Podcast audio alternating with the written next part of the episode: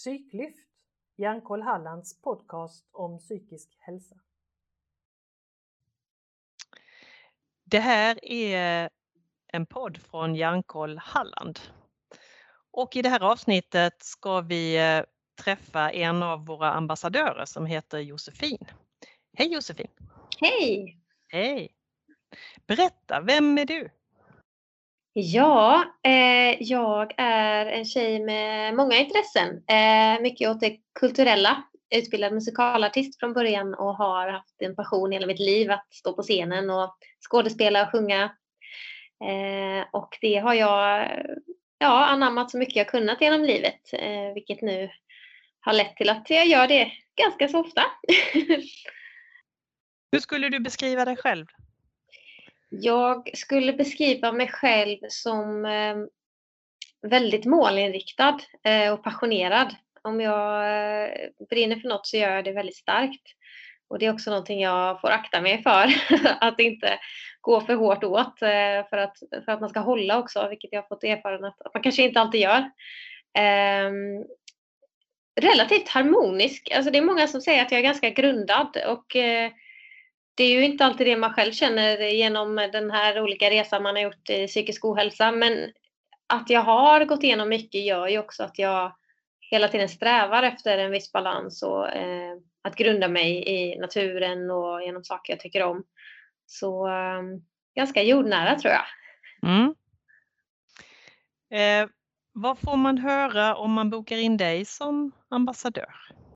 Jo, då får man höra en hel del smått och gott från min eh, livsresa. Eh, jag eh, har erfarenhet av psykisk ohälsa från ganska ung ålder. Min mamma fick en cancerdiagnos när jag var 11 och det ledde till att jag givetvis blev väldigt rädd och orolig. Men det, det eskalerade ganska starkt till tvångstankar och maniska ritualer och och väldigt stark oro som verkligen tog över hela livet under ganska lång tid. Eh, och mamma blev frisk från cancern men sen i ung vuxen ålder när jag var kring 20-25 så återkom depressioner för mig. Eh, och jag hade flera längre sjok av eh, ganska djupa depressioner där jag på olika sätt försökte få hjälp och samtidigt försökte utbilda mig då till musikalartist och hade väldigt höga krav på mig själv. Ehm, så det var ganska tuffa år där. Ehm, och sen när jag väl började känna mig starkare och redo att liksom anamma världen som i mitt yrke så blev en eh, nära anhörig eh, psykiskt dålig, eh, väldigt djupt deprimerad. Och det ledde till att jag ganska snabbt gick över i att liksom lägga allt mitt fokus på den personen. Eh, vilket i sin tur sen ledde till en utmattning för mig. Eh, mm där har min resa fortsatt i att uh, ha en balans mellan att vara anhörig och ta hand om sig själv. Mm. Mm. Det kommer jag berätta en del om i mina föreläsningar. Du sa i ditt intro så nämnde du eh, att du nu hade fått uh, lite nys på om, om dig själv, vad som verkligen är viktigt. Ja. Vad, vad är det som du anser verkligen är viktigt? Nej, men för mig så Visst, jag har alltid varit väldigt målinriktad, haft stora drömmar. Eh, och det är ju för att jag också har känt att livet är kort. Jag blev tidigt medveten om det, att saker kan hända och det gjorde mig nog ännu mer passionerad över att följa mina, mitt hjärta. Och för mig är det ju viktigare, viktigaste är ju att man mår bra och att man förhoppningsvis har nära, goda relationer. Och det här med status och pengar och framgång är ju inte så viktigt. Sen är det roligt också, men jag ser det mer som en bonus. Och det är kanske nu äntligen som jag känner att jag mår bättre och har hittat en bättre balans i min vardag som jag, som jag kan få lov att satsa mer på min karriär och sådär. För att jag vill det. Inte för att eh, bevisa något för någon annan men för att det ger mig glädje. Mm. Men för mig är det verkligen det lilla som är det stora. Mm, precis. Mm. mm. Har du något guldkorn som du tänker att du skulle kunna dela med dig av i den här podden? Något guldkorn från eh, din berättelse eller från dina erfarenheter? Jag tänker det som kan vara en liten teaser när man bokar mig är att man förmodligen kommer få höra mig sjunga. Mm. och, eh, enligt andra så är det väl en eh, ganska angenäm upplevelse att det är eh, det är egenskrivna texter som handlar då om temat om det jag varit med om. Mm. Um, så det kan man väl säga är lite unikt för mig tror jag. Uh, ett annat sätt att, uh, att prata om eller uh, porträttera mm. det man vill förmedla så att säga. Mm. Um, så det är lite kul, tror jag. En eh, konstnärlig touch i, eh, i föredraget då kan man säga. Ja men precis. Mm. Eh, det är roligt att få knyta ihop det som man eh, ändå har sysslat ganska mycket med, med sina erfarenheter och göra mm. det på ett personligt sätt. Mm. mm. Kan du dela med dig eller ge en, en någon kort berättelse ur din erfarenhet som illustrerar vad det är du har med dig eller vad du föreläser om när man anlitar dig som ambassadör. Har du något, något litet exempel att ge? Ja, men för mig var ju vändpunkten då när jag själv gick in i väggen.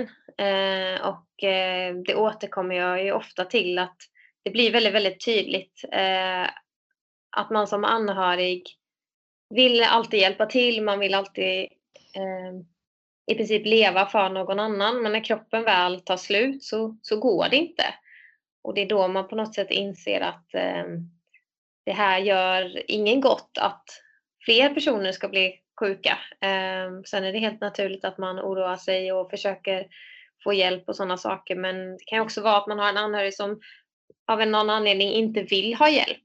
Och någonstans där måste man, upplever jag, att hitta en gräns för att själv kunna fortsätta med sitt liv. Och det kan vara jättesvårt och smärtsamt. Och, eh, men det är verkligen någonting som jag vill trycka på, att man själv på något sätt jag behöver ta ansvar för mitt eget mående för min skull och för min omgivnings skull också. Eh, för om alla människor skulle fokusera lite mer på sitt egna mående så tror jag verkligen att det skulle ge så positiva effekter för alla eh, och för allas relationer. Det låter egoistiskt men det är inte det, för det gynnar verkligen alla. Mm. Ehm, så det är, det är verkligen någonting jag vill uppmuntra till och det är, jag vill verkligen förmedla mycket hopp i mina föreläsningar. Jag vill berätta hur det har varit eh, och jag vill också förmedla att det är en eh, ständigt pågående process. Det är liksom inget före och inget efter utan det är någonting som man lär sig att fortsätta hantera eh, och man blir ju mer medveten om vikten av kanske vissa förebyggande åtgärder för sin egen skull när man också har varit med om att man har blivit sjukskriven till exempel. Mm. Ehm, jag måste ju påminna mig ofta om sådana saker. Mm. Mm. Det är tänkvärt verkligen. Eh, vem tror du har nytta av att höra din föreläsning? Det är en svår fråga för att det känns som att den eh, kan eh, röra så många eftersom mina erfarenheter också har gått från låg ålder till idag, eh, mina skolåren. Jag tänker på när man är där mellan 20 och 25 så är man ganska ganska oskyddad på det sättet att man förväntas att man ska flytta hemifrån, kanske börja utbildningar, man kanske bor i nya städer. Man är väldigt ensam och förväntas vara vuxen. Så jag tänker liksom att studenter och ungdomar, absolut. Men även vem som helst som är anhörig i vilken situation som helst. För just den dynamiken och problematiken som det kan innebära eh, är så, ja, den är så allmängiltig oavsett tror jag vad det gäller. Eh, de här mm. mänskliga känslorna vi delar och oron och så, den, den tror jag är, eh, ja, finns hos alla. Men det är också så mycket skuld och skam kring det att inte prata om hur tungt det faktiskt kan vara att gå bredvid någon som mår dåligt. För man vill så gärna lägga fokus på, på den det är mest synd om. Men, men det är ingen tävling. Det handlar ju bara om att, att um, båda måste få, få höras och uh, få hjälp. För att det är, uh, det är någonting som rör fler än en person. Mm. Verkligen. Mm. Mm. Och det är säkert någonting som väldigt många kan relatera till, precis som du säger. Ja, jag tror ju verkligen det. Mm. Ehm, och unga, unga som mår dåligt vet vi att det finns väldigt många och eh, även föräldrar och familj till mm. unga som mår dåligt så att, eh, och personal som Nej. jobbar med unga som mår dåligt. Så att det låter som att det är väldigt många som skulle ha nytta av att, och lyssna på dina erfarenheter. Ja, men det tror jag absolut. Mm. Det är ju en fantastisk förmåga att kunna uttrycka sig genom eh, konst och, och, kreativitet på det sättet. Hur, hur tänker du om, om, för anhörigskapet är ju någonting som kanske inte är så väl belyst i, i olika sammanhang. Man, eh, man är lite doldis för det är mycket fokus och ljus på den som faktiskt mår sämst. Och som närstående eller anhörig så kan man känna att vem ska trösta knyttet ungefär? Mm. Om man nu inte har eh, den konstnärliga förmågan, eh, hur tänker du att man som närstående kan hitta energi och, och kraft att orka eller att ta hand om sig själv? Vad är viktigast mm. att tänka på? Men det viktigaste är ju verkligen att försöka återgå. Kan man hitta några små saker som, som man tycker ger en energi? Det kan vara ju allt från att utöva någon sport eller ta en promenad i naturen eller ta en fika med en kompis. Eh, pussla. det kan vara så mycket sådana eh, små saker. Eh, och jag tror man mm, som anhörig det som att den egna identiteten helt försvinner och man tycker att liksom, det finns ju ingenting som är viktigare då än, än att liksom, ta hand eller oroa sig. Men när man börjar förstå hur, hur lite av den här oron faktiskt gör nytta och hur mycket mer nytta det kan göra att ta en promenad, att försöka stänga av det här eh, chattret en liten stund eller i alla fall ackompanjeras alltså, av lite fågelkvitter så, så får man ju lite mer energi. Eh, och det, det skulle jag verkligen rekommendera. Eh, och sen kan det vara bra, kan jag uppleva att innan så pratade jag alltid med mina vänner om det här och det var ju bra att jag vågade dela men mina samtal var ju kretsade hela tiden kring min närstående situation. Eh, tills jag en dag kände att nej det här orkar jag inte. Utan nu så försöker jag hellre fördela det så att det är fortfarande bra att prata om det och släppa ut och gråta och, och så. Och man får oroa sig. Men det är skönare för mig att göra det i, i sammanhang där, där, det, där det är meningen att jag ska göra det. Och det kan ju vara ett anhörigstöd eller något liknande. Eh, och att man sen när man är med sina vänner kanske får lov att bara vara sig själv och mm. bara fokusera på något annat. Mm. Eh, för det är väldigt lätt som anhörig att svara på frågan, ja men hur mår du? Jo, men den här personen mår så, så därför mår jag så här. Mm, mm. Det, det, är något som jag fortfarande jobbar på, att säga att, att det, hur det är utifrån mitt eget, hur jag mår. Men det är klart, mm. det, det kopplas ju ofta till hur, hur någon annan mår som man bryr sig om. Men, men ändå försöka återgå till sig själv lite mer. Mm. Går det att hålla isär hur du mår som bara Josefin och hur du mår som en närstående till någon. Alltså Josefin närstående och bara Josefin. Kan du skilja på det? Kan du känna att du mår olika i samma stund? Ja, ja absolut. Det är precis det som jag menar kan vara lite svårt när man får frågan hur man mår. För att, eh, och det var ett väldigt bra tips för man kan ju faktiskt säga att som närstående så är jag ständigt lite orolig och lite på spänn. Men som Josefin och när jag fokuserar på mitt så just nu går det ganska bra för mig. och det är nog där jag känner att jag befinner mig. Ehm, det kan väl vara ganska fint att man, eh, man kan få lov att uttrycka sig så också. Mm. Man behöver ju inte, inte menar att man ska behöva trycka undan det eller gömma det heller och låtsas som att allt är bra. Men eh, för sin egen skull både lyfta upp, lyfta upp det som är positivt också då. Mm. Hur lång tid tog det innan du kände och upptäckte att ditt mående var så tätt sammankopplat med din närstående? För jag tänker första steget måste ju vara att identifiera och upptäcka det innan man kan göra, liksom, skilja dem åt. Ja, precis. Um, jag tänker att det har gått lite i omgångar i livet för att när jag var liten först och jag fick mina första så besvär kan man väl säga, eh, då var jag ju orolig för att min mamma hade cancer. Och där var ju kopplingen ganska tydlig att det var på grund av att någon var sjuk som det började. Sen vet jag inte under min liksom unga vuxentid när jag var runt 20 till 25 där, där var det mycket mer diffust för mig vad det, vad det berodde på. Eh, Och för mig nu så kanske jag tror att det handlade om mycket obearbetat eller oläkt från tidigare, från barndomen och så. Eh, och det var ju ungefär den vevan när jag började må bättre som min närstående blev, eh, blev dålig. Och jag tror att där tog det några år eh, av att man gick helt in i det här att jag måste rädda, jag måste förhindra en katastrof.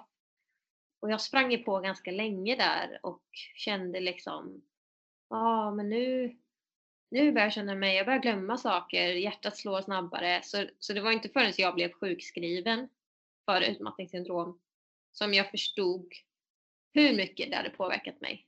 Mm. För jag levde, så, jag levde så i det. Alltså, då kändes det som att jag levde i en mardröm för att jag ja, situationen var så pass allvarlig och oviss att det var ju liksom men då var det ju bara att överleva och försöka springa på. Mm. Um, och det var inte förrän jag gick in i väggen som jag förstod att okej, okay, är det det här priset för att, för att rädda någon annan så, så måste jag välja mig själv. Mm. andra människor har också sitt val. Den personen kan ju välja kanske att ta emot hjälp eller inte göra det.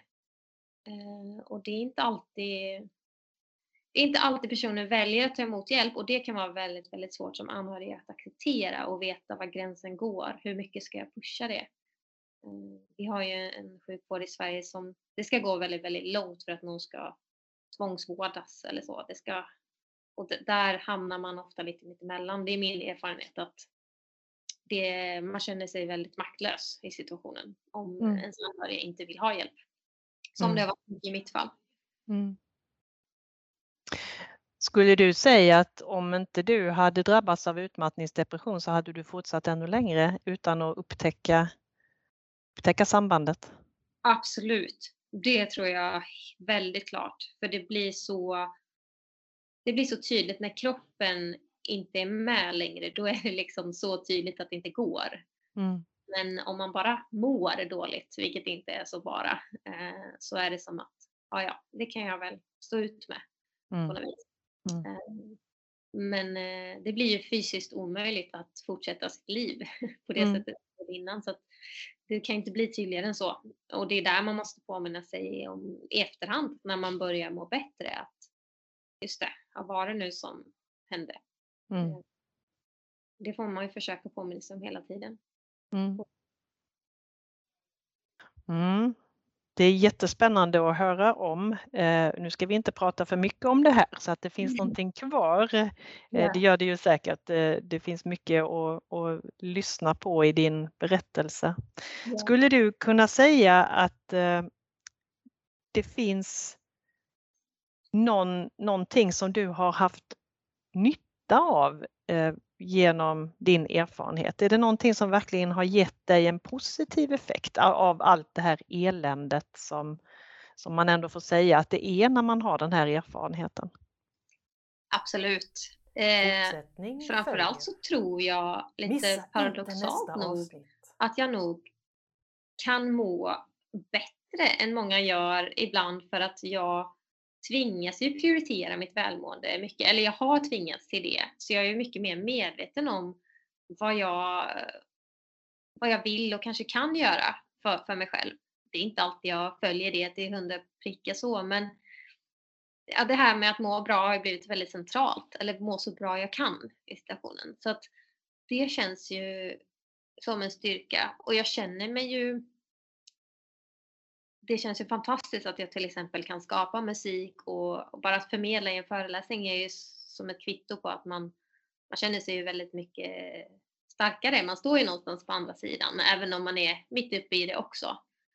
Um, och sen att man har en eh, förhoppningsvis en, en högre ja, men man har en medkänsla för, för andra människor och vet att det kan pågå väldigt mycket bakom stängda dörrar. Eh, hos de allra flesta så är det ju. Och det, det är jag väldigt medveten om. Och det gör också att jag känner att jag prioriterar livet lite annorlunda. Eh, att, jag, att jag känner att det, det, måendet och relationer är, är väldigt viktiga och det här med status och att följa strömmen inte alltid, det är inte det viktigaste, långt ifrån. Eh, så där, jag går verkligen min egen väg. Eh, och det har nog bara blivit starkare i mina upplevelser för jag känner att livet har varit så pass tufft. Så varför ska jag inte försöka må så bra som möjligt och göra det jag drömmer om och ta vara så mycket som möjligt på den tiden jag har. Liksom. Mm. Det tycker jag var fantastiskt bra eh, slutord på den här eh, ganska korta lära känna Josefin-samtalet. Men vill ni veta mer om Josefin så kan ni boka in henne som en ambassadör på hjärnkoll.se och jag som har pratat med Josefin heter Karina Torstensson och är också ambassadör på Hjärnkoll. Tack för att ni lyssnade. Hej då Josefin! Hej då, tack! Missa inte nästa avsnitt.